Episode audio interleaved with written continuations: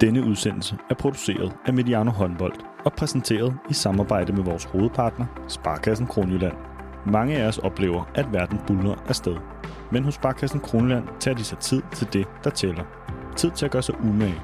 Det forsøger vi også på Mediano Håndbold. Sammen med Sparkassen Kronjylland tror vi på, at tiden vi investerer gør forskellen. Rigtig god fornøjelse.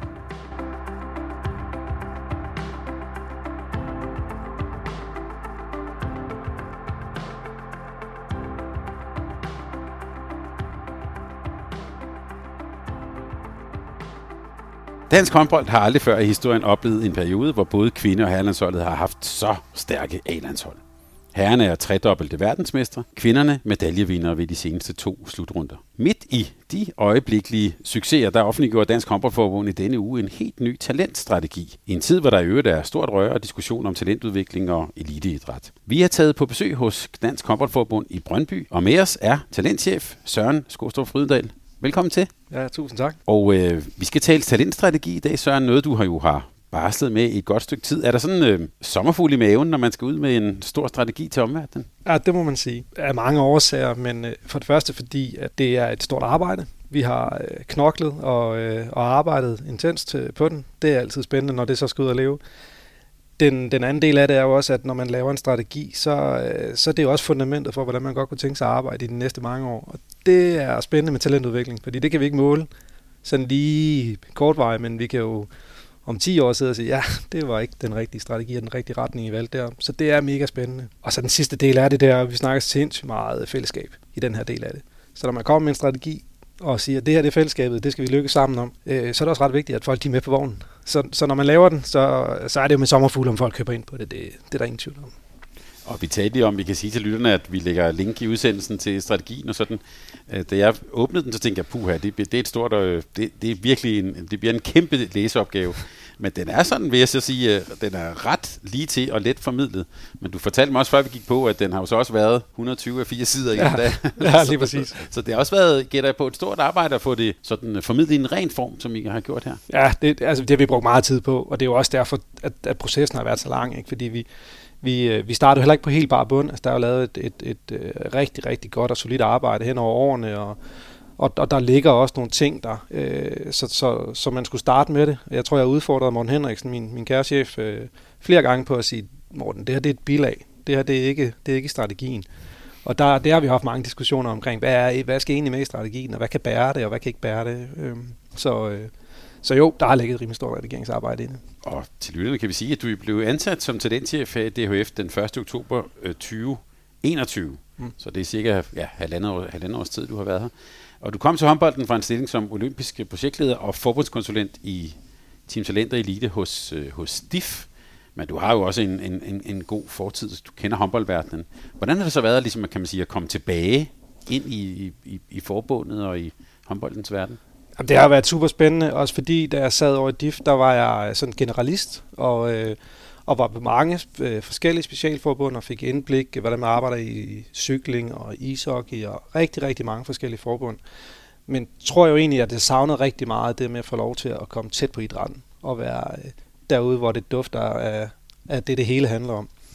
Øh, så det var, øh, det, det var, det var, alene det var, var ret øh, fedt at komme tilbage til, synes jeg, i den sammenhæng. Og så, øh, så tror jeg, jeg underholdt nogle gange med, at når jeg kom her i huset, hvis man går ned i kælderen, hvor vi har øh, vores bolde og trøjer og alt muligt andet, der har det den der duft af, af harpiks og, og liv, og det, det kan bare noget. Så, så det, øh, det, det, har været, øh, det har været fedt at komme tilbage, var jeg ved at sige.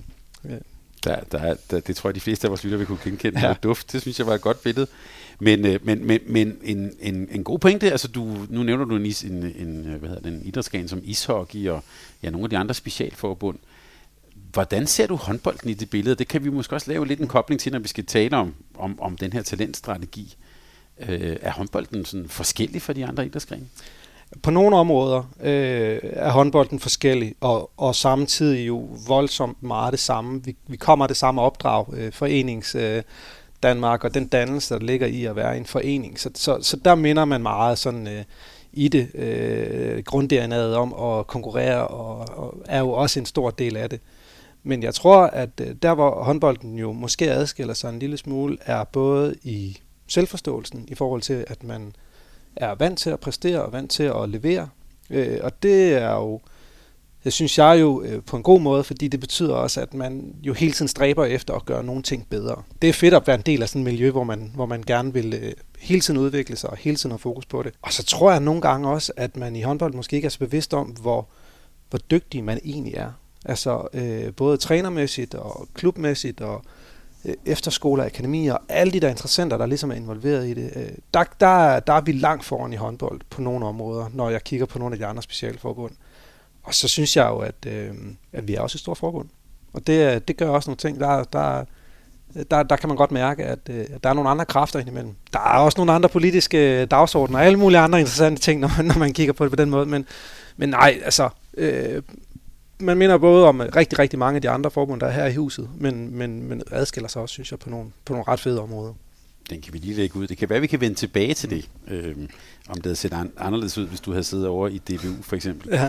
Øh, for vi skal nemlig tale om strategien, og vi kan også sige til lytterne, at vi senere på året har en plan om at følge op på samtalen her, og måske også tale med nogle af de personer, der skal være med til at udleve strategien. Men så det her begreb med en strategi, øh, jeg sidder med den i hånden her, der også, det står også på forsiden, der tales jo meget om strategi i sport, og alle virksomheder og de fleste organisationer har en strategi. Øh, og i talentstrategien her, der er også sådan nogle begreber, som man måske vil kende fra ja, hele strategisproget, altså en mission og en vision osv. Øh, hvorfor er der overhovedet brug for det, når vi taler om sport og udvikle talenter og vinde guldmedaljer til Danmark? Det er her, hvor man skal være, øh, synes jeg, man skal være på forkant, og man skal være dygtig, og man skal lære de ting, der foregår rundt omkring en. Øh, så selve visionen og missionen er jo vores plan. Altså det er det fundament, øh, vi, øh, vi skal stå på, men også den plan for fremtiden. Altså hvor er det, vi gerne vil hen? Hvad er det, vi gerne vil lykkes med? Og når man, øh, når man snakker med, med, med, med trænere og alle mulige andre i håndbold Danmark, så er der jo vanvittigt mange gode idéer. Og vi kan ikke forfølge dem alle sammen. Og hvis vi forfølger den ene, så, så stikker det måske ud i den ene side, og så går vi den anden vej.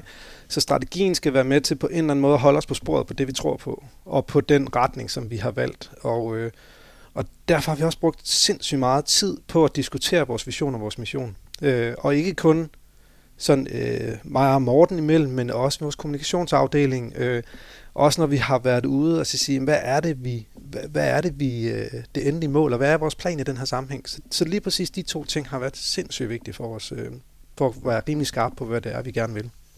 Og den, vi kan sige, visionen er jo også relativt øh, skarpskåren formuleret, at udvikle hele håndboldspillere i verdensklasse. Det er også... Øh, opfatter du det som, som ambitiøst også? Ja, det må man sige. Ja, det er voldsomt ambitiøst. det var et spørgsmål. Ja, ej, det synes jeg, det er. Øh, og, og jeg synes jo egentlig, at, at lige præcis den sætning rummer øh, øh, rigtig, rigtig meget det, vi vil. Den skulle gerne rumme det hele.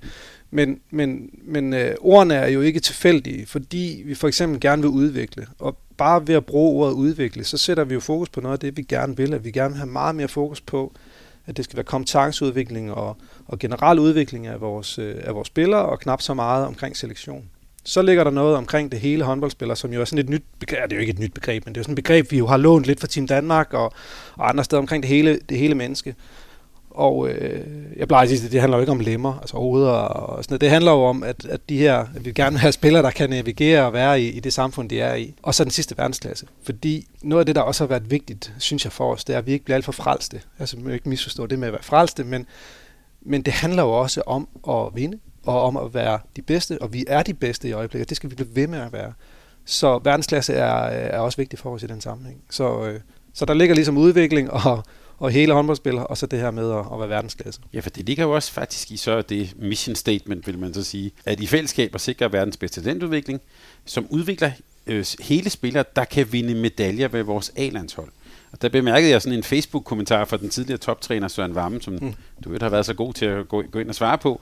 Men han, han spørger faktisk, om det ikke er en meget sådan lidt snæver mission. Altså i virkeligheden tror jeg, han tænker kun at tænke A-landshold. Mm. Altså at... Øh, at, at det jo også handler om måske at skabe topspillere eller ligaspillere øh, eller så videre. Altså er det i virkeligheden en, apropos det frelste, er det i virkeligheden en meget sådan lidt snæver og elitær mission, I har? Nej, det, det, det synes jeg bestemt ikke, det er, og derfor skal man jo også se det i en større kontekst. Men hvis vi lige, bare lige dykker ned i det der med, om det er snævert i forhold til a så tror jeg, at det, der er væsentligt for os, det er, at a det betragter vi som lokomotivet. Altså det, det, vi hele tiden spejler os op imod. Det vil sige, at når vi har talenttræning, eller vi har noget andet, jamen så er målet aldrig nogensinde at finde den bedste ungdomsspiller, eller den øh, ungdomsspiller, der kan vinde om søndagen. Men at det hele tiden er målet, at vi arbejder med spillere, der kan blive A-landsholdsspillere, men ikke bare A-landsholdsspillere, men faktisk også kan vinde medaljer. Og det er jo tilbage til det der med at lave det bedste af det bedste. Så det synes jeg ikke er snævert i den sammenhæng, fordi hvis man så tager visionen om at skabe hele håndboldspillere i verdensklasse, nogle gange har det været ret underholdende at, at sidde og snakke med, øh, med folk rundt omkring i landet, fordi verdensklasse kan også være Jyllandsserie. Og det, det er vigtigt at anerkende i den her sammenhæng, at når vi laver talentudvikling, så kan det være på alle mulige forskellige niveauer, men når det er i vores regi, så er det A-landsholdsspillere. Og det er jo det, der er lokomotivet for os. Så, så i den forstand er det jo snævert, men det er fordi, det er den kontekst, vi arbejder i. Det vil være uambitiøst af os at lave øh, øh, gode seniorspillere. Det er ikke det, vi skal. Vi skal lave A-landsholdsspillere. Men, det, men, men den er jo måske elitær i den forstand, at når vi så også taler om sådan noget, skal der være i U14 DM, eller øh, skal vi have resultater i U11 og sådan noget, så, så med dine briller, når, når det er det, der er missionen, så er det jo helt tydeligt, det skal vi selvfølgelig ikke have, for det er ikke det, der skaber A-landsholdsspillere. Men der er måske nogen, der synes, det er meget skægt at spille U15 DM. Ja, det er der helt sikkert, og det har vi også haft mange, mange gode øh, snakker og diskussioner om. Jeg tror jo bare, at det, der er væsentligt for os, øh, uden at gå ind i sådan en øh, UDM-snak, det er at sige, hvis vi hele tiden tror på, at det er det lange øh, sigte, der er interessant, så, øh, så, så er der bare rigtig mange uhensigtsmæssigheder ved at sige, nu skal du, øh, nu jagter vi øh, det her givende resultat øh, en påskedag, øh, det, øh, som U15, det, det, er, det er en udfordring. Det, der er væsentligt for os, tror jeg, det er jo hele tiden at udfordre trænerne på at sige, åh, kig nu langsigtet, det er det, det drejer sig om. Men stadig med en anerkendelse af, at de jo selvfølgelig øh, jo også gerne vil præstere og sådan nogle forskellige ting, men, men det lange mål, det, det er det vigtige i den her sammenhæng. Og når vi taler om missionen, så, øh, så nævnte jeg jo i indledningen, at det jo faktisk går meget godt for de der A-landshold. Ja. Lad, os bare, lad os bare sige det. Jeg kan i hvert fald ikke komme på noget tidspunkt nogensinde, hvor det har været på begge, både for begge køn. Så jeg får lyst til at spørge, altså, hvorfor ændre på noget, der går meget godt? Altså, er der brug for ændringer? ja, altså, det går, det går fantastisk, ikke? og det er jo væsentligt at sige. Men det er også væsentligt at sige, at det går fantastisk på øh, vores senior. Og, øh, og når vi snakker talentudvikling, så er det et resultat af det, der er blevet lavet tidligere. Og en kæmpe stor anerkendelse af det arbejde, der er blevet lavet tidligere. Det er super vigtigt at sige. Jeg prøver også i talesæt det alle de gange, hvor vi kan, at, at den her talentstrategi er jo ikke som sådan et paradigmeskifte. Altså det ligger sig jo op af det arbejde, man har i gang sat arbejde med i mange år. Men der er behov for en talentstrategi. For det første, fordi at samfundet forandrer sig. Det øh, kan vi jo se i øjeblikket. Altså der er, der er tryk på øh, med, med trivsel og alle mulige andre emner, der rører sig, som, som måske har en lidt blødere karakter. Øh, og, øh, og det er, øh, det er væsentligt for os at forholde os til. Det skal vi forholde os til. Det har vi et ansvar for. Så selvfølgelig er der noget i talentstrategien, der jo også tapper ind i den, øh, den del af det. Den anden del, det er, at vi har ikke haft en fælles strategi øh, på, øh, på dreng- og pigesiden. Så vi har også haft en, øh, en øh, kongstanke om at lave et fælles dokument for, for de to sider. Og så tror jeg, at, at øh, det, det, det fundament, vi står på i øjeblikket med Danish Way vejen frem, har efterhånden nogle år på banen. Og når vi snakker strategisk arbejde, og, og især strategisk talentarbejde, så er det vigtigt, at vi hele tiden udvikler på det, og viser en anden form for rettidig om. Så, så jo, sådan en, øh, så det er der. Der er behov for det. Godt, men man, jeg, jeg tænker også, det må være ligesom sådan et, øh, et, et, et tårn her med, sådan, med Mikado, man, sådan, man er måske lidt nervøs ved at pille ved det, men du nævner jo også, at ja, der er sket en masse sådan samfundsmæssige ændringer, så, så ja, hvordan har I egentlig grebet helt det an med at indhente ja, empiri og ja, hele jeres metode, kunne man næsten sige. Ja. Hvordan har I grebet det an? Jeg tror, at, øh, at metoden for os, og sådan, hvad skal man sige, hele processen, den har været rigtig, rigtig vigtig. Og det er jo også det, man kan sige, der trækker jeg jo på noget af det, jeg har siddet og lavet i Danmarks Idrætsforbund, hvor der er blevet lavet strategiaftaler med alle forbundene om at arbejde strategisk og en fireårig periode. Øhm, så, så det var væsentligt for os, synes jeg, at få lavet en proces, som var, øh, som var selvfølgelig øh, sådan metodisk stærk og var gennemarbejdet. Og, øh, og, og mest af alt, synes jeg, det der var vigtigt for os, det var at få skabt noget ejerskab. Altså hvis, hvis man vil have en strategi, hvor, hvor, hvor der simpelthen i missionen står fællesskab, så er man også øh, forpligtet til at inddrage de folk, som man jo egentlig godt kunne tænke sig er med på den rejse, som man, som man påbegynder. Øh, så det var, det var vigtigt for os at, at, at lave de her workshops. Vi lavede fire eller fem workshops rundt omkring i landet, hvor vi inviterede bredt ud. Vi har øh, holdt interviews og, og workshops i talenttrænergruppen, i øh, U-trænergruppen og A-trænergruppen. Vi har øh, haft øh, gode diskussioner med, med forskere inden for det her område. Så vi har jo egentlig prøvet at fagne sådan relativt bredt med, med håbet om selvfølgelig at blive, blive væsentligt klogere, men også at sikre ejerskab øh, i forhold til, når vi går i gang med implementering, som jo kommer nu. Ja, og nu bliver jeg jo så bare totalt nysgerrig med det, de grupper, du nævner der. Var man i, er man enige? Altså har man det samme blik på, og det er jo også forskellige steder, man sidder og kigger ind i det her. Ja, altså, og det, det er jo egentlig det, der er rart, synes jeg, at kunne mærke. Det er, at det er jo ikke sådan, at, at man er voldsomt uenig omkring øh, det her, øh, som man gerne vil. Der er jo selvfølgelig altid sådan øh, nuancer og variationer af, hvad man synes, og hvilket tryk man skal lægge, og jeg tror også på et tidspunkt var der nogen, der sagde, ah, du skal også lige passe på, at der ikke går for meget rundkreds og dyrelyd i det her. Og, altså, og det har jo også været vigtigt at sige, ja ja, det, det, det er vi helt med på. Det er sådan en, en, en grundpræmis. Det er, at vi, vi vil gerne vinde også, og det skal også være, øh, vi skal også gøre det ordentligt. Men, men jeg synes jo faktisk egentlig, at, at rigtig, rigtig meget af det, jeg har mødt, har været på en eller anden måde øh, den samme tanke om, hvad det var, man gerne ville. Øh, det kan jeg i hvert fald se. Jeg har siddet og lavet noget så, øh, så fancy som noget meningskondensering. Altså taget alle de der meninger og alle de der input, vi har fået. Samlet det sammen, prøvet at, at gruppere det og det ene og det andet for at finde ud af, hvad, hvad er det for noget? Fordi når man læser strategien, og i højere grad måske også det handlingsdokument, der er med, så er der lige pludselig kun 3-4 primære indsatser. Og siger, okay, det var fandme ikke meget. Kan I ikke finde på flere? Jo, jo, det kan vi godt.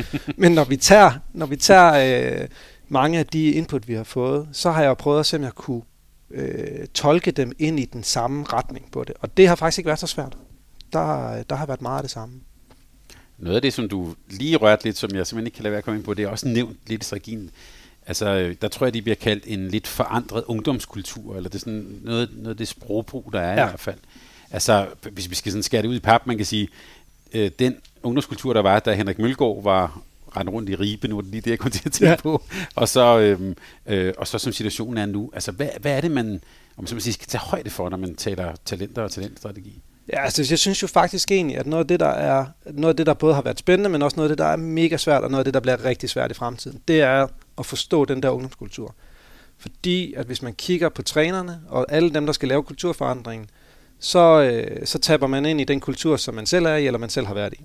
Så det der med at kigge på en ungdomskultur, jeg tror, at der er mange af os, der kender det der med, at hvorfor skal de sidde med den iPad og se TikTok eller YouTube og sådan noget. Jeg har selv svært ved det som far. Øh, men prøver jo hele tiden på at sige, åh, der er, noget, øh, der er noget kultur her, der er et eller andet, der rører sig. Øh, og det er jeg nødt til at prøve at forstå, eller i hvert fald acceptere. Så det har der, der ligger der noget i det der med at iagtage ungdomskulturen og forstå den. Men jeg tror jo også en stor del af det, det er det, vi møder i øjeblikket omkring trivsel. Altså, der er noget præstationssamfund øh, og accelerationssamfund, og nogle af alle de der øh, termer, der er blevet knyttet på det.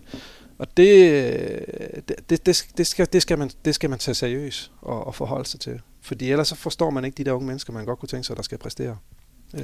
Så når vi så taler om øh, den hele håndboldspiller, det hele menneske, er det så noget den, den type viden, der så har påvirket også måden i, øh, ja, eller de indsatser, som I vil lægge vægt på?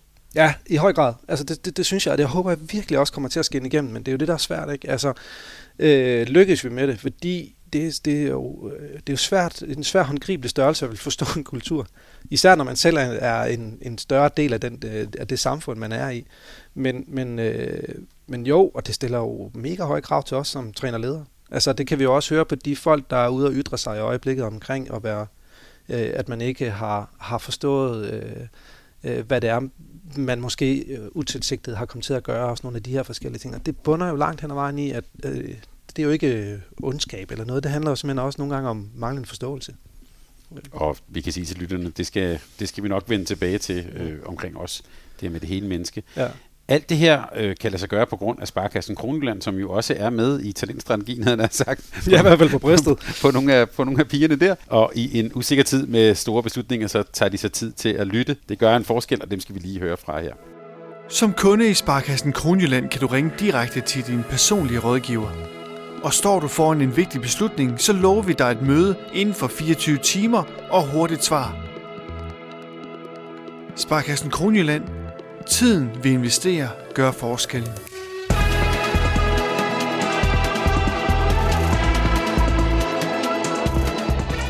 Søren, det der, nu har vi brugt ordet jo, vi har talt sammen i, i, i lidt over et kvarter, nu har vi brugt ordet talent flere gange. Mm. Så jeg synes egentlig, det måske er, vil være meget godt lige at få sat fast, hvad er det egentlig, vi forstår ved det her? Og det er også et ord, der bliver brugt lidt i flæng, mm. øh, kan vi sige. Både i sportens sammenhæng, måske også i alle mulige andre sammenhæng. Så, så hvordan opfatter I, og hvordan opfatter strategien egentlig talent? Hvad er det, vi taler om? Altså det er jo, det er jo øh, altså det kan man sige, at, at, at talentbegrebet har vi jo egentlig lagt os super meget op at Team Danmarks ATK 2.0 og hvordan man ellers sådan i forskningen arbejder med talentbegrebet. Og, øh, og er egentlig sådan rimelig strømlignet både på noget øh, karakteristika og på den måde, man øh, på, øh, på det arbejde, man ligger og, øh, og evnen også til at adoptere øh, viden og færdigheder. Men jeg synes jo, det der også er spændende i den talentdefinition, vi arbejder med her, handler jo også om miljøet. Altså det her med at sætte miljøet i centrum, som jo også er voldsomt meget op i tiden, og, og det er jo blandt andet nogle af de diskussioner, vi også har haft med de, med de gode folk på SDU omkring øh, at sætte øh, miljøet i centrum, og, og hvad, der ligger, hvad der konkret ligger i det. Øh, på et tidspunkt havde vi faktisk snakket ret meget om, og at vi, det var vigtigt for os at sætte spillerne i centrum hvor noget af den feedback, vi fik, og nogle diskussioner eller drøftelser, vi havde med SDU-folkene, var at sige, ja, men, men det er jo faktisk miljøet, vi gerne vil sætte i centrum. Og, og, og der udspringer der jo også noget i forhold til den definition, vi, øh, vi arbejder med omkring talentet og, og miljøet i den sammenhæng.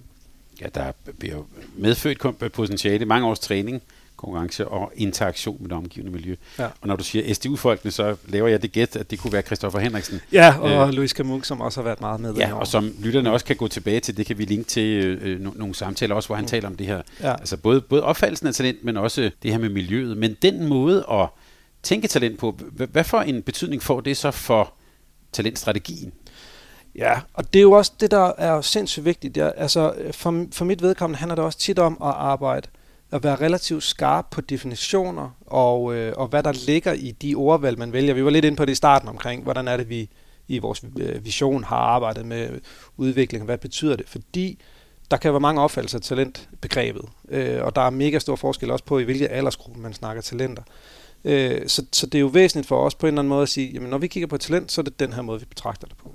Fordi så er det også et link ind i at sige, jamen det handler om miljøet okay, hvordan er det så, at vi vil arbejde med miljøet, og hvorfor er det vigtigt, og det taber ind i noget fællesskab og alle de her forskellige ting. Så, så selve talentbegrebet er, er jo sådan nogle tråde ud i, i mange af de andre øh, pointer og argumenter, vi ligesom præsenterer i vores øh, strategi. Og hvis vi bare lige er ved det med miljøet, bare lige for at være sådan meget konkret, jeg, øh, som du kunne høre på mig, havde jeg også siddet og kigget lidt på de der Facebook-beskeder, mm. lidt sådan, hvordan det blev modtaget.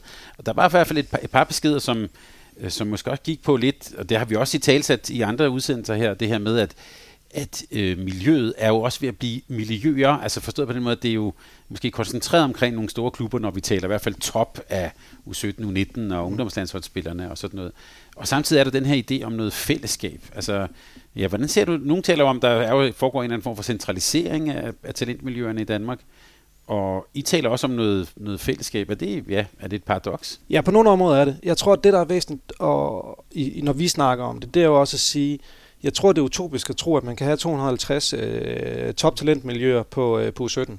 Øh, det, det, det, det, det tror jeg ikke kan lade sig gøre. Jeg tror heller egentlig ikke, at det er, at det er øh, optimalt. Så når vi, når vi snakker om fællesskabet, så, er det, øh, så går det jo på nogle, så går det jo også på, øh, hvad skal man sige, på nogle andre niveauer, hvor vi, hvor vi gerne vil have en inddragelse, uagtet om man kommer fra et lille miljø, eller man kommer fra en af de store miljøer. Altså dialogen for os er vigtigt, men, men jo også en erkendelse af at sige, der vil, der vil ske en eller anden form for centralisering, når vi snakker om talentmiljøer. Det, det, det er uundgåeligt. Det, der bare er vigtigt for os, tror jeg, det er at sige, at det må ikke ske for tidligt, og det skal ske ordentligt. Og fordi det, det, det, det taber også ind i de øh, værdier, vi arbejder med, og alle mulige andre ting, men, men fællesskabet for os handler jo egentlig om, at, at vi kan ikke lykkes, vi kan ikke, vi kan ikke som forbund lykkes med det, og vi kan heller ikke lykkes, hvis vi kun arbejder sammen med syv eller otte øh, miljøer. Altså det er vi alle sammen nødt til at tabe ind i. Så, så, så der i kommer fællesskabet. Og apropos, øh, hvad sagde du, dyrelyde og rundkredse og, ja. og sådan noget. Altså der, der er måske også, øh, det står her jo ikke direkte, men det, det jeg hørte dig sige, altså virkeligheden er jo sådan, der kan ikke være 250 mm. miljøer, og vi har måske øh, også, det kan jeg også læse ud af nogle af de der øh, beskeder lidt, det der med den der i romantiske forestilling om, at der går en rokaster rundt øh, øh, 40 km vest for Skive, som ingen har opdaget. Ja. Og sådan er verden nok ikke. Øh, Nej, og det er jo også, altså, det er jo også derfor, jeg siger, at vi, skal, vi, vi vil helst ikke tangere til at være frelste. Altså, der, der, øh, der, der sker noget øh, i en spiller, sådan en udvikling. Jeg tror jo faktisk nogle gange, at vi skal være ret stolte i håndbold over, at vi har en forholdsvis sen selektion, og at der er mange veje til landsholdet. Øh, der er ikke øh, tusind veje, men, men der er heller ikke kun én vej. Og det vil sige, at, at, øh, at den spiller, der skulle løbe rundt øh, et eller andet sted, øh, som ikke er opdaget, det, det, har, jeg, det har jeg svært ved at forestille mig øh, i, i den sammenhæng. Så der er meget, meget enig. Ja, jeg kan i hvert fald sige, jeg har nogle gange været, vi har også haft nogle af dem, som rent faktisk arbejder med det, med som gæster her. Mm. Jeg er nogle gange blevet relativt overrasket over det, at de kender navnene på, ja. på ja, en eller anden dreng på 15 år, der spiller det. Altså, ja, jeg, det må jeg sige, det har jeg skulle være ret imponeret over. Øh, Søren, vi, vi ynder jo ofte at hylde sådan den danske model. Du har også øh, talt om The Danish Way mm. øh, tidligere. Er det, jeg sidder med her, er det, er det en særlig øh, dansk strategi? Altså hvis jeg nu havde øh, i Sverige eller i Spanien eller sådan noget, altså hvor, er det særligt dansk, det vi arbejder med her, taler om her? Altså jeg tror, at hvis nogle af mine kollegaer i de andre lande, lad os sige en lille smule øh, østpå, øh, tog den her strategi og kørte den igennem en Google Translate, så tror jeg, at de vil tage sig til hovedet og sige, okay, er det den her strategi, der skal sikre, at Danmark bliver i verdenstoppen? Øh, men det tror jeg jo egentlig, prøver at vente om til at sige, det er jo faktisk hele pointen. Fordi den her talentstrategi, den taber ind i en dansk kontekst, og det skal vi hele tiden forholde os til. Vi kan ikke lave, altså det er jo også nogle af de, de, nogle af de snakke, vi har haft, altså vi kan ikke lave et centralt akademi i Brøndby eller Herning, eller hvor det nu skulle ligge henne, sammen med bedste spillere og sige, du kører vi bare. Det kan man i nogle andre lande, det kan man ikke i en dansk kontekst. Og hvis vi gør det, så lykkes vi ikke. Det er i hvert fald min påstand. Fordi at hele styrken i vores system, det ligger i, at vi har nogle fantastiske klubber, vi har nogle fantastiske træningsmiljøer, som er med til at bidrage, og måske i høj grad bære det. Så, så jo, den, den er voldsomt dansk i den her sammenhæng, øh, og det skal den også være. Ellers så, så, øh, så, så lykkes vi aldrig nogensinde, tror jeg. Så vi er helt over i noget kold og grundvig, og altså, ja. altså, det, ja. altså det her med øhm, altså det særlige danske forenings. Øhm, fordi havde vi siddet i Frankrig eller sådan noget, så laver vi jo, altså så havde vi lige nu siddet i et kæmpe håndboldtempel her. Ja. Øhm, så, så, så, så der er måske det, det, det, særlige, det, øh, det særlige danske. Men er der også noget med, at I også ude i, øhm, øh, nu bliver det meget stort, men altså øh, dansk kultur, altså den der foreningskultur, er det her også et forsøg på måske at påvirke noget af den kultur, som, ja, som vi kommer i, som håndbold kommer i? Ja, altså det, øh, for mit vedkommende handler det jo også om at anerkende. Altså en, en strategi skal jo også langt hen ad vejen være med til at anerkende nogle af de ting, vi er rigtig gode til, og sætte spotlight på noget af det, vi er gode til. Og, øh, og jeg tror jo, at at øh, grund til, at det også er relativt nemt at snakke om fællesskab i den her sammenhæng, det er jo også fordi, at vi gør rigtig mange ting i fællesskab i forvejen. Altså vi, øh, vi er i vores foreninger, vi er dybt afhængige af de frivillige ledere øh, i, i den sammenhæng, og vi har vores opdragelse i foreningerne, og alle spillere kommer fra en eller anden form for forening. Øh, og det er, det er sindssygt vigtigt. Øh, så, så jo, det, det, der er noget i den del af det. Men jeg tror jo også bare, at det, der er væsentligt, det er jo også, det her det handler om talent, og det handler også om elite. Så på et eller andet tidspunkt, så begynder vi også at snappe ind og stille krav og øh, møde modgang og nogle af de her andre ting, som måske distancerer sig en lille smule fra øh, sådan en meget, øh, hvad skal man sige, ikke flippet, men i hvert fald sådan en lidt bredere tilgang til, øh, til livet. Og øh, i, i talentstrategien er der jo også en kobling til, du har selv nævnt det, ATK, altså det er så Team Danmark, sådan, ja, øh, øh, det hedder aldersrelateret træningskoncept osv., men det er jo, det er jo hvordan skal man træne? Det er jo sådan mere specifikt. Der er også en kobling til øh, rigtig sjov håndbold, som vi også har brugt en del øh, krudt på her på, mm. på kanalen øh, tidligere. Hvordan ser du den kobling til, til det, der ligger i rigtig sjov håndbold? Det handler jo om børnehåndbold, ja. kan man sige. Hvordan er koblingen her? Nu, til, nu begynder vi så at bevæge os op og op mod de bedste også. Ja, altså jeg tror, at det der er, øh, det har jo været, altså Øh, det skaber jo en eller anden form for synergi i det arbejde, man gerne vil lave. Øh, for mit vedkommende er det også vigtigt at få nedbrudt nogle siloer. Altså nu snakker vi om dreng siden før, men faktisk også øh, hvad skal man sige, her i huset om at nedbryde øh, barriere eller siloer mellem øh, udviklingsafdelingen og landsholdsafdelingen, men jo også mellem børnehåndbold og det, der går over i talentarbejde. Altså der er jo sindssygt mange transitioner hele vejen igennem. Og der, øh, så, så, så der skal være en kobling til rigtig sjov håndbold i den her sammenhæng men jo også meget, bare bevidst om, at rigtig sjov håndbold, det henvender sig til børn. Og talentarbejdet, det handler ikke om børn. Det handler om de, øh, de unge og transitionen op mod at blive senior. Men der, er, der skal være et link, og der er et link, at meget af de her værdier, og det vi arbejder ud fra, er jo, er jo også noget af det fundament, der er i rigtig sjov håndbold. Når man læser øh, talentstrategien, øh, så kan man sige, øh, man kan sidde og nikke mange gange, og Øh, det vil jeg i hvert fald gerne rose så langt. Det er også, man kan se det igennem arbejdet. Det kan, det kan det vi også høre her. Øhm, men nogle gange så forstår man måske det bedst ved, ved nogle eksempler, eller måske også at tale om, hvad er det så, der skal ændres eller forbedres, eller vi skal gøre, gøre, gøre mere af? Og I har jo også, som du en række indsatser, øh, altså ja, fra strategi til handling. Så jeg kunne måske stille det store spørgsmål. Hvad er det, der skal forandres eller laves om på? Ja, altså det er jo øh, det, er jo, det, er jo det der er spændende her i den her sammenhæng. Øh, og jo øh, noget af det, som, som det her handlingsdokument jo på en eller anden måde også skal være med til. Det er ret væsentligt at sige, at handlingsdokumentet, det er sådan et dynamisk dokument. Altså det, det forandrer sig. Nu har vi trykt det, og vi har lavet det, fordi så er der noget, øh, altså der er noget sammenhæng i det. Men, men tanken er rent faktisk, at det her handlingsdokument hele tiden forandrer sig. Altså, vi, vi har noget, hvor at, at vi, vi, vi skriver helt konkret, at, at der skal være variation i både i træningen og mellem samlingerne og sådan nogle forskellige ting. Og det, det, det, det skal forhåbentlig ikke stå der om fem år.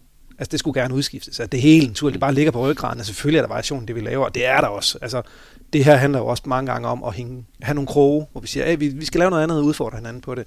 Øh, men jeg tror, noget af det, vi skal, noget af det, vi skal forandre, er jo noget af det, som vi snakker om tidligere omkring, at sætte mere fokus på trivsel, sætte mere fokus på øh, velvære. Altså, vi vil jo sindssygt gerne have et system, hvor det er rart at være. Øh, også fordi vi tror på, at hvis det er et sted, der er rart at være, så kommer man for det første igen. Man bliver ved med at spille håndbold, og øh, man præsterer også bedre i, i den sidste ende. Øh, så øh, så det, det sådan, tror jeg er sådan en de, de, de sådan mest markante nedslag. Ikke, ikke på forandring, men i hvert fald at være opmærksom på, at, det, at altså, vi laver et system, der er rart at være i. Og, og, og det kan man sige, øh, hvis jeg skal drille lidt, fin hensigtserklæring, det kan man ikke rigtig være uenig i. Nej.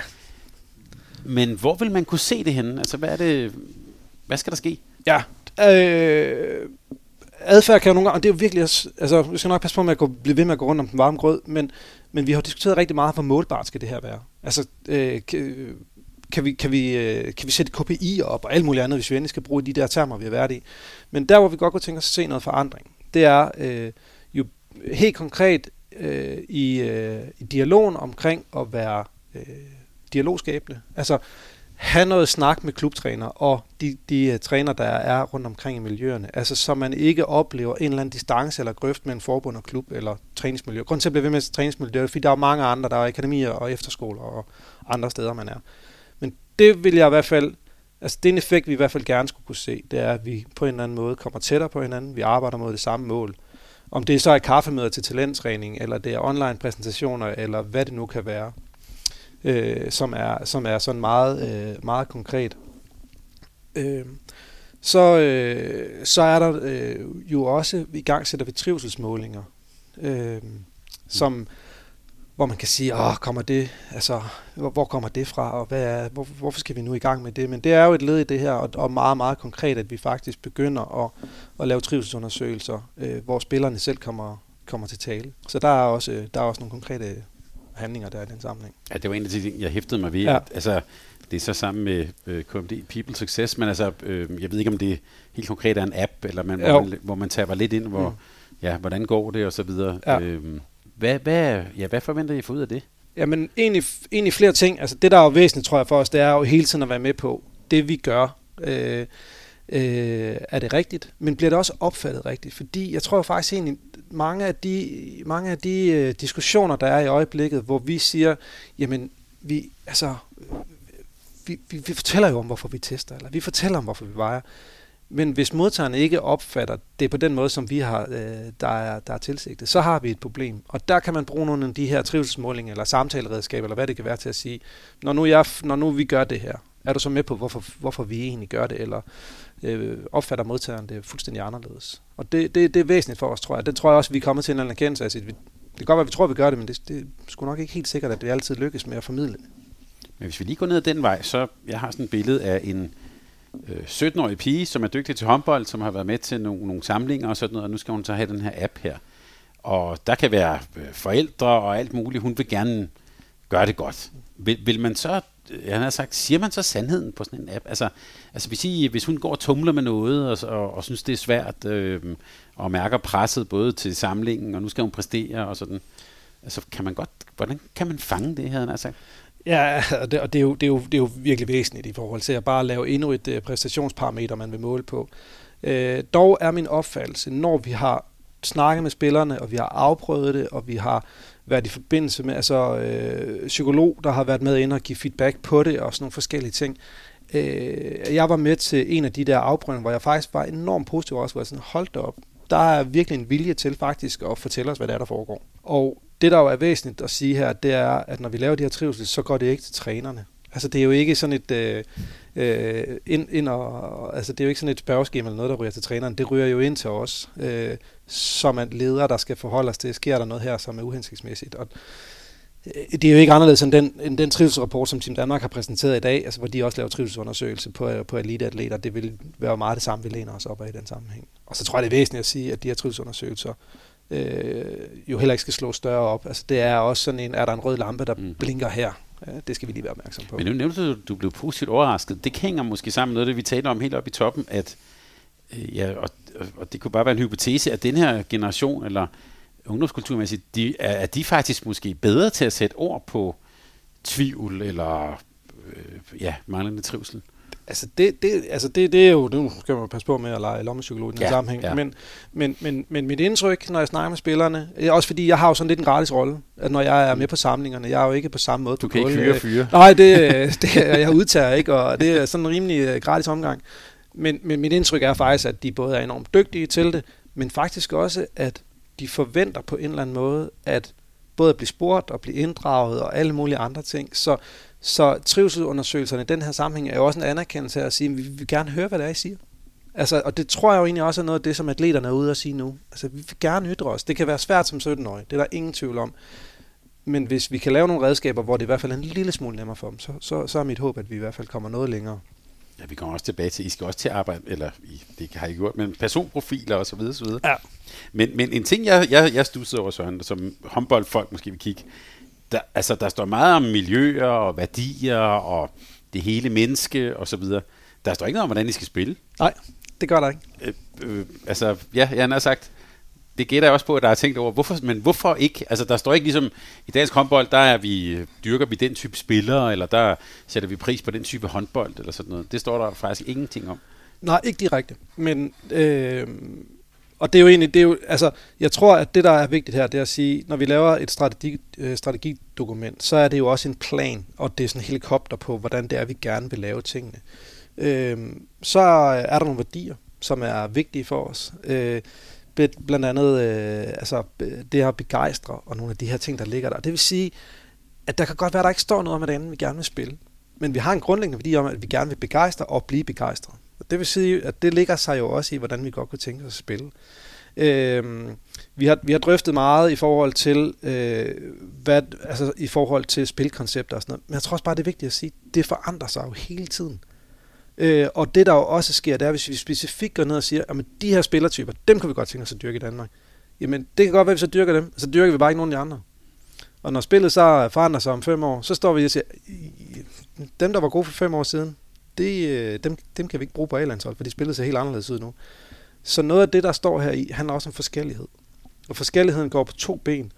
Øh, men her er der faktisk noget spille. Øh, der, der er meget spilnært på at sige, vi vil gerne dyrke så mange forskellige typer af håndboldspillere. Det er både store og små, stærke og hurtige og genbrugsstærke og skudstærke og hvad det nu kan være, fordi så er vi fremtidssikret. Det er det, talentstrategien handler om, det er at være fremtidssikret. Og vi aner ikke, hvad det er for en landstræner, der er der. Men han eller hun for den sags skyld, øh, hvad jeg sige, skal have øh, frit valg på alle hylder. Øh, så det er også et virkelig statement om at sige til klubber og miljøer, I skal dyrke forskelligheden. Vi, der er ikke én type spiller, som vi er interesseret i. Vi, vi vil have en stor palette af håndboldspillere i den her sammenhæng. Så, øh, så det står indirekte, men jo faktisk også et rimelig klart statement om, at vi kan ikke sige, hvad det er for en spiller, vi gerne vil have.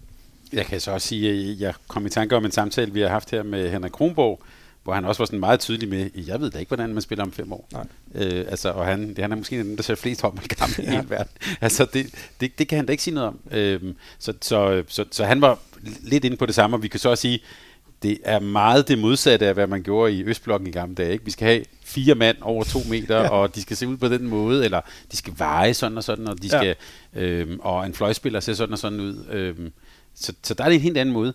Det der begejstring, som også er en af værdierne, mm sig lidt mere om det. Hvad, hvad, hvad er det for noget? Jamen, begejstring handler jo om, at man, øh, at man jo på en eller anden måde synes, det er sjovt. Og, at, øh, og det kan både være, at man, sådan er, at man er begejstret for at, at spille, men også at man begejstrer. Så, så den går egentlig på, på, på to ben i den sammenhæng. Øh, jeg tror, det har været, det har været, eller det er enormt vigtigt for os, at folk faktisk synes, det er sjovt. Altså, øh, det skal være sjovt at spille håndbold, og det skal være, øh, det, det skal være sjovt at møde op til træning, og det skal være sjovt at spille kampe. Så der ligger den der begejstring sådan helt naturligt. Men vi kan jo også bare se, at når man står inde på rådhuspladsen, efter der er blevet vundet et VM, og der er fyldt, og der er masser af mennesker, der hylder, og det ene og det andet, der lykkes man jo i høj grad også med at begejstre, og det, og det, det er også væsentligt for os, at man bliver ved med det. Så, så, det, så det er også, hvis vi skal gøre det helt konkret, det er også, du vil gerne have, når vi så ser danske landshold spille, at det faktisk er, der, altså der må nærmest godt være lidt smil på læben, og lidt udstråling, og øh, ja, man må faktisk godt se, at vi synes faktisk, det er sjovt at gå til håndbold. Absolut, absolut. Det er da fantastisk. Altså, og det er jo også noget, det sporten kan. Mm. Altså det der med at vække nogle følelser i os. Altså, den der slutrunde der, altså, det, man var jo, øh, selvom at vi jo egentlig øh, i mange kampe også var ganske dominerende, nu snakker vi om herrenes slutrunde, der, der, der jubler man jo og hopper rundt og det ene og det andet, og, og det samme med kvindernes fantastiske slutrunde, så, så det, øh, det er jo noget af det, det kan. Øh, men jeg synes også, at det har været, det er jo noget der, hvor at det også er sindssygt vigtigt at formidle det til vores træner, både ude i, altså ude i håndbold Danmark, men når jeg kigger i vores eget system, er det sindssygt vigtigt at stille krav til hinanden om, at vores spillere faktisk smiler. Øh, og, øh, og synes, det er sjovt. Og, det, øh, og det, altså, når vi har de der drøftelser på vores samlinger, så er det også helt tydeligt, at så sker der noget. Altså hvis du er tvunget til at lave en træning, der er sjov, øh, så, øh, så, så sker der også noget i din planlægning. Og apropos dyrelyder og rundkreds, der ligger vel også, gætter jeg på, en idé om, at hvis vi er det, så vinder vi også. Ja. Eller hvad? Ja, ja, absolut. Ja, ja. ja. Og det, jeg, jeg synes, det er fint, du vender tilbage til dyrelydene, fordi at, at det, må, øh, det, der er væsentligt hele tiden at sige, det er jo også, at, at grunden til, at vi kan i tale sætte det så kraftigt, at vi gerne vil have, at det skal være sjovt, det skal være fællesskab og alle mulige andre ting, det er jo fordi, der er en iboende lyst til at vinde. Der ligger en iboende i os til at sige, jeg vil med til den næste samling, jeg vil være A-landsholdsspiller. Så rigtig mange gange får man jo rigtig meget af det her ambitiøse, øh, fuldstændig foræret.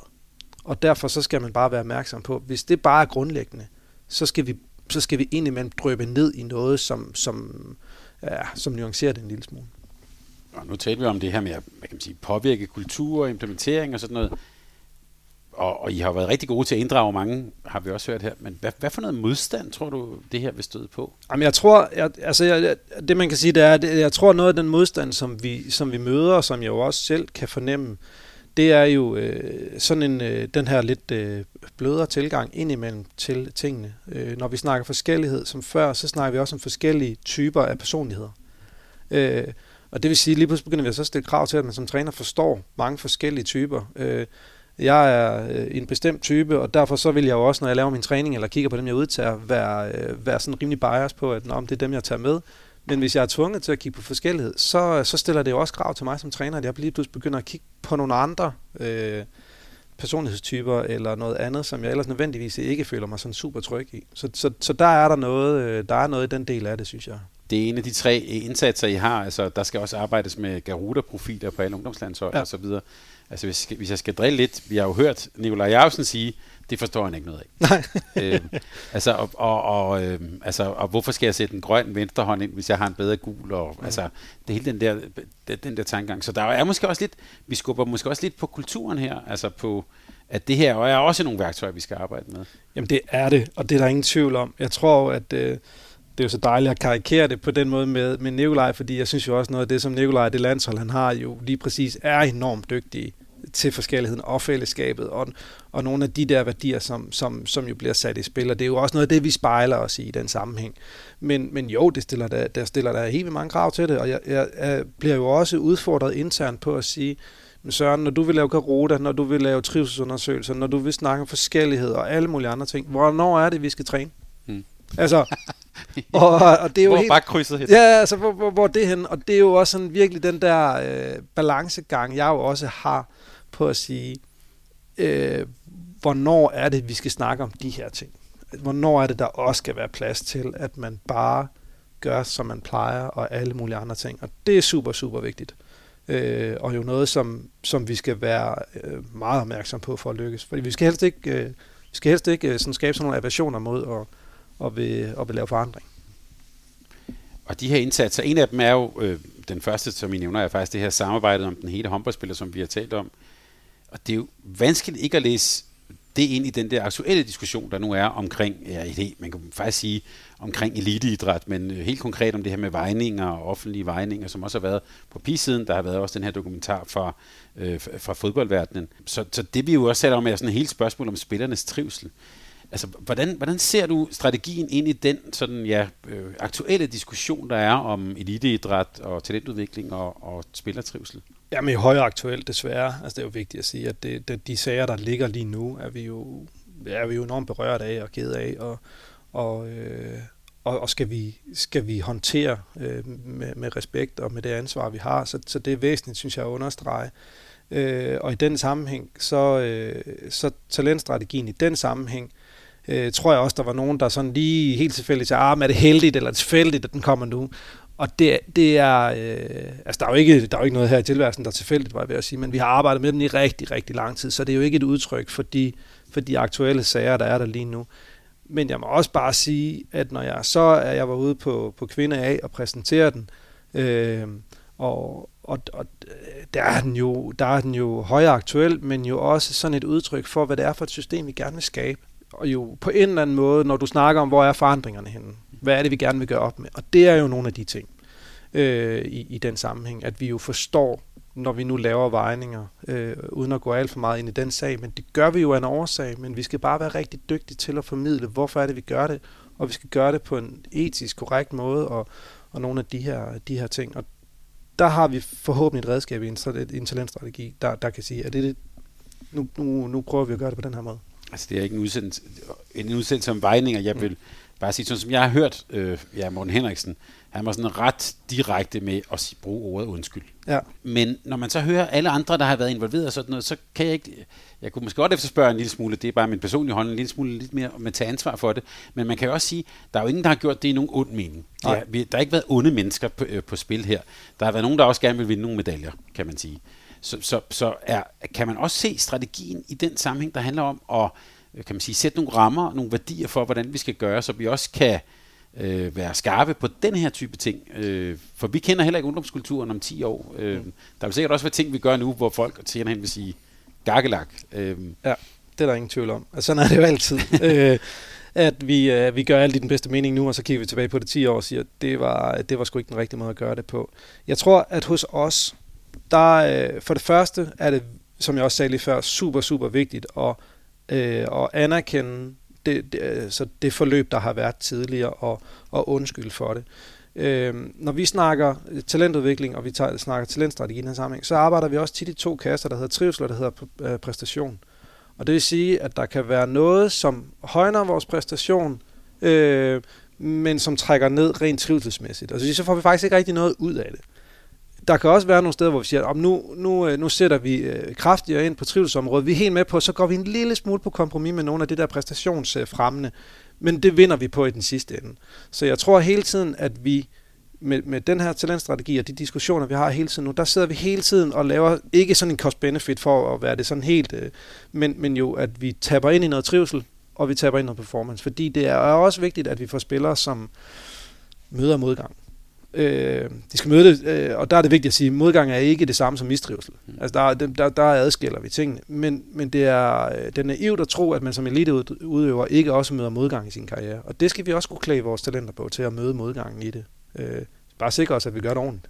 Stærkt. Det er jo lige præcis det, du laver verdens bedste brug over til noget alligevel, alligevel spørg. Altså modgang er selvfølgelig ikke mistrivsel, eller øh, hvad der kan hvad hedder det, udarte også til ja, spiseforstyrrelser og alt, alt sådan noget. Men nu har du, øh, vi har talt om Christoffer Henriksen, han har også talt om det der med at, øh, ja, at træne resiliens, tror jeg. Sådan ja. det, altså det der med, at, at, man, at man får modgang, og jeg kan faktisk huske, at han her på kanalen har givet nogle eksempler på, hvordan man faktisk også kan træne den, den type modgang.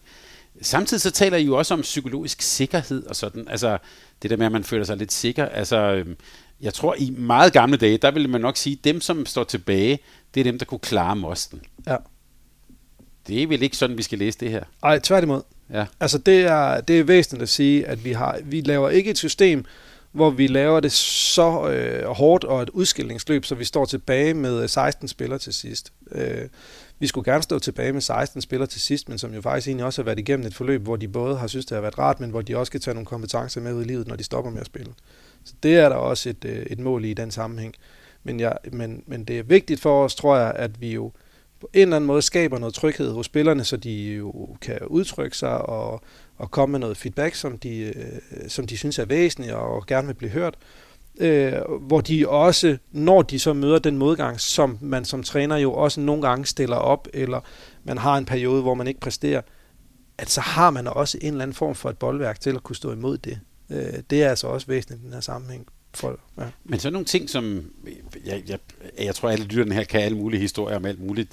Der er i hvert fald en, ting, jeg, jeg ved, man tidligere på nogle U-landshold på herresiden har haft sådan noget med, at man startede en samling med, så ud i skoven, løb, til, løb 12 minutter, hvis ikke du kunne løbe 3 altså det er sådan en Cooper-test, ja. et eller andet. Hvis ikke du kunne øh, det krav, du nu har sat op, så kunne du godt pakke tasken og køre hjem igen. Altså jeg tænker, det, i min optik vil det være, vi, der træner vi virkelig, vi viser, vi stiller krav og sådan noget, men psykologisk sikkerhed er det vel ikke ligefrem? Nej, nej, det vil næsten være synd at sige. Og der tror jeg også, at det er jo noget af det, vi snakker helt vildt meget om i vores trænergrupper i øjeblikket. At sige, hvor er balancen? Altså, hvordan er det, vi sikrer os, at vi stiller krav til vores spillere, og vi øh, opstiller nogle rammer, hvor at, at vi er der for at præstere, og vi er der også for at, at vinde, men samtidig på nogle præmisser, som man øh, kan være i som spiller. Og nogle gange så er, det, så er det ikke særlig meget, der afgør det. Og det er nogle af de snakke, som er ret interessante. Det vil sige, når man møder ind til en samling, hvad er det første, man møder? Og når du er på vej hjem, hvad er det sidste, du møder?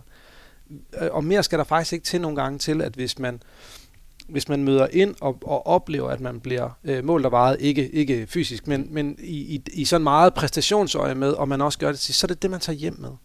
Og nogle gange, så noget af det, vi gerne vil, det er at lave kompetenceforløb, hvor de faktisk synes, at de udvikler sig. Okay, de vil gerne med til den næste samling, men de har også fået noget med hjem. Jamen, så er det måske nogle gange bare noget så banalt som, hvordan er det, vi strukturerer en talenttræning fra torsdag til søndag, som egentlig gør, at man, man oplever, at, øh, at der er fokus på udvikling. Men, men jeg, jeg talte faktisk med, jeg, jeg kender både nogle drenge og piger, der var med på den sidste store fællessamling, der var her i, var det i februar? Ja, lige præcis. Øh, og, og, og, så jeg var også sådan, nå, hvordan var det? Og, var det sjovt? Og, øh, og også det der med, at der var drenge og piger, tror jeg, ja. rigtig godt tænkt. Det er også, det er også nyt. Men de nævnte, øh, de to, jeg har talt med, begge to, at det helt, apropos slutningen, mm. det blev så sluttet af med, at de skulle, det var i hvert fald det, de kunne huske, mm. at de skulle ud og løbe et pyramideløb til sidst, som var sådan lidt, øh, de, de opfattede det i hvert fald lidt sådan, og hvad, kan du klare mosten? Øh, hvor meget kan du æde dig selv? Ja. Den der sådan, øh, den der ting. Det var i hvert fald den oplevelse, de gik hjem med. Så ja. jeg tænkte på, jeg sad bare og tænkte, hvad fanden er formålet med det egentlig? Ja, og det er jo også nogle af de ting, vi hele tiden genbesøger, og være, og være sikre på, hvorfor gør vi, som vi gør. Der kan være noget i forhold til opbygning af, hvordan man har en samling, og hvornår det er, man ligger et, et, et, øh, et håndboldmæssigt øh, fysisk pres på spillerne, og og, og hvordan man gør det. Og, og der er jo også bare sådan noget lavpraktik i, hvordan er det, vi løser tingene. Men jeg synes jo, det der er væsentligt, og det der jo er væsentligt at tage med, som du også fortæller her, det er at sige, hvad er det for en opfattelse, de tager hjem med. Fordi formålet er ikke at, at, at finde ud af, om de kan æde sig selv, eller hvad de nu kan. Så formålet er, er, er, er ret vigtigt. Jeg tror, jeg kommer, jeg kommer fra gymnasieverdenen øh, og været gymnasielærer nogle år, hvor vi snakker meget om synlig læring indimellem. Og nogle gange så er det jo også noget af det her med at i tale sætte, hvorfor gør vi, som vi gør, og så være sikker på, at spillerne rent faktisk forstår, hvorfor det er, vi gør, som vi gør. Øh, så, så, så der er der jo øh, der er noget i det i den sammenhæng. Men gymnasieelever nu, øh, jeg kender også nogle af dem selv derhjemme, men, men altså, øh, der, du kan jo godt fortælle dem ting. Jeg, her tænker jeg også på lidt det der med, altså, øh, når man står i sådan en, en situation, man vil jo gerne gøre det godt, ja. og, og man er stolt, og forældrene er stolte og sådan noget. Øh, Øh, så det er måske ikke altid lige, at det går ind sådan en til en i, i kommunikationen. Nej, og derfor så er det også øh, væsentligt, og det er noget af det, vi snakker om, at et er, hvad vi siger, og noget andet er, hvad vi gør. Altså, der har vi jo også et, der har vi også i vores værdier, siger vi jo også, at, øh, at vi skal være troværdige, og, og vi gør det, vi siger, og vi siger det, vi gør. Og, og det er jo den, i, den, i den her sammenhæng er det jo super vigtigt at være med på modtageren i, i den, at vi viser dem også, hvad det er, vi gør. Vi laver individuel træning, eller hvad vi gør, så noget af det sidste for at få dem med hjem, eller hvad det, hvad det nu kan være i den sammenhæng. Hvordan ser du, øh, hvordan ser du i det hele taget, nu nævnte jeg forældrene, hvordan ser du i hele taget øh, samspillet? Det, det står ikke eksplicit her, men altså, ja, der er selvfølgelig hele ideen om fællesskab og sådan noget. Hvordan, hvordan ser du samspillet med forældrene og øh, deres rolle i at udvikle talenter i dansk håndbold?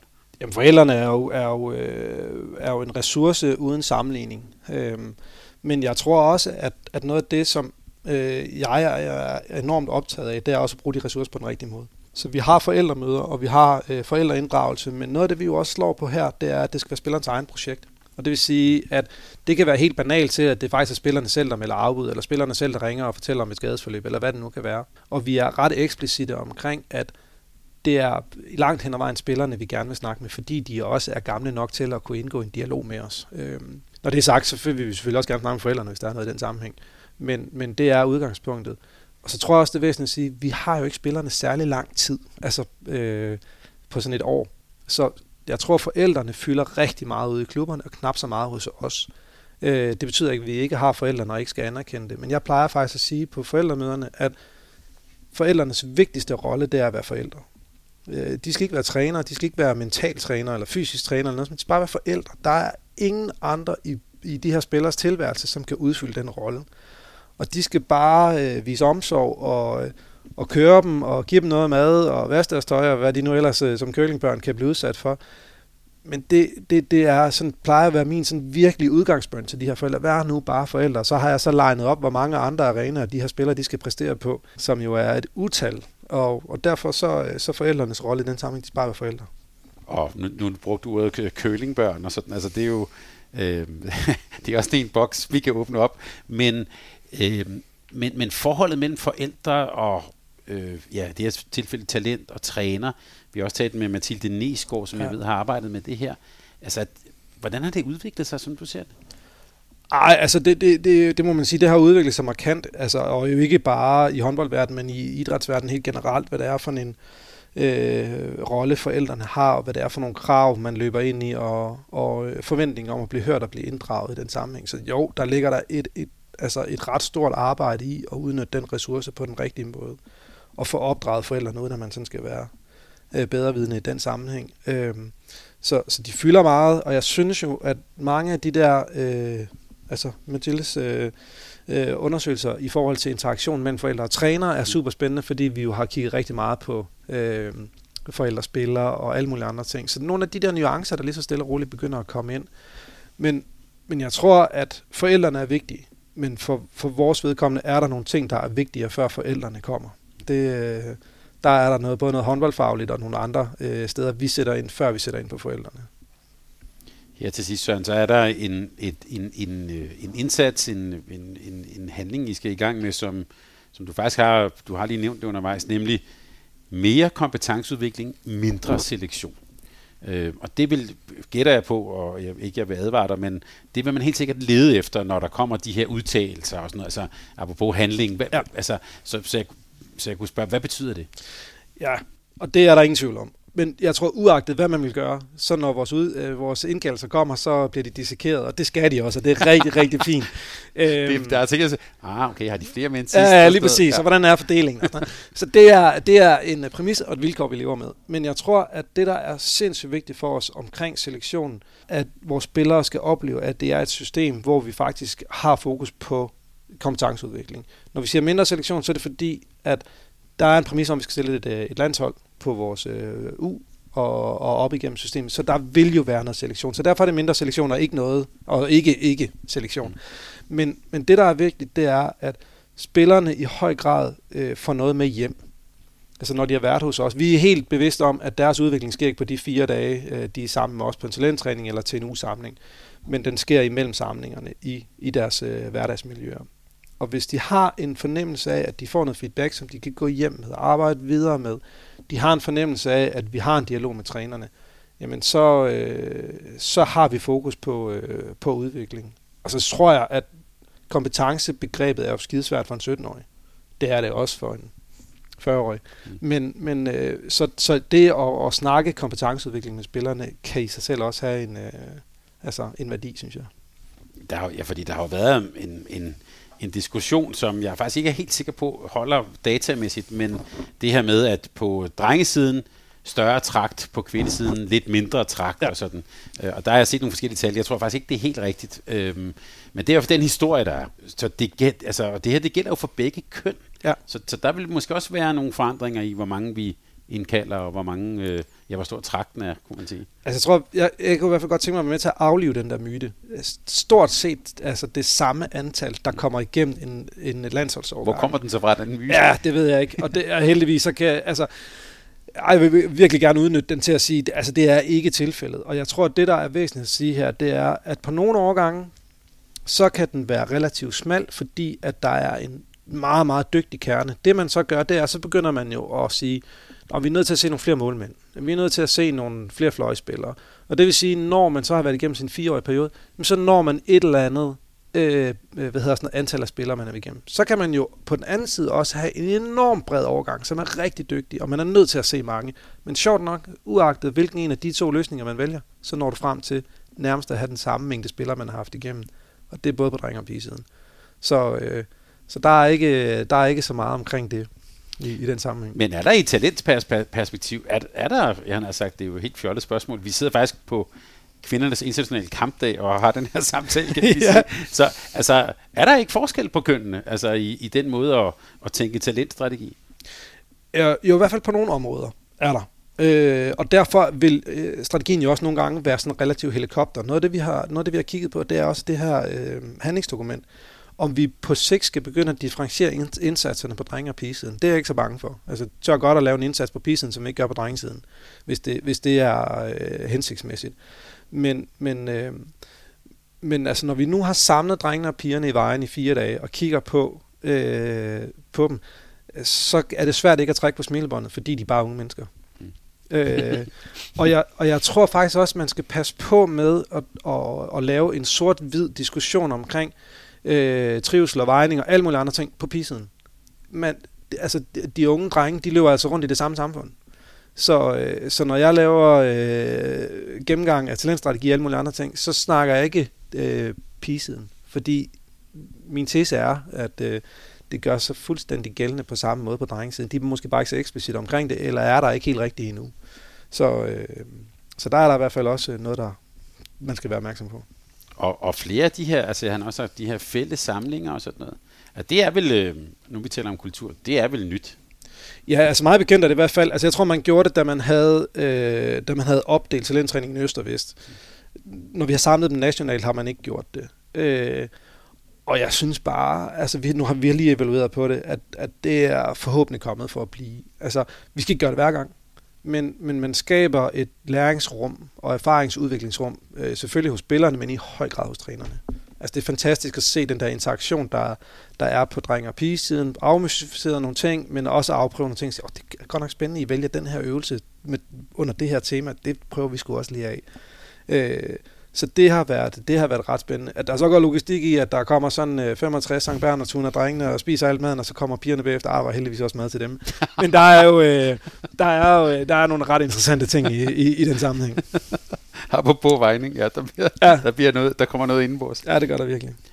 Søren, tak fordi vi måtte tjekke ind hos dig og høre om den nye talentstrategi. Selvfølgelig. Øhm, og øh, nu har du også øh, været meget tydelig omkring, at der er også noget af det her, som er ikke working progress, men som selvfølgelig vil udvikle sig. Så øh, det tror jeg godt, vi kan love lytterne, at det, føler vi, det kommer vi stærkt til at følge op på.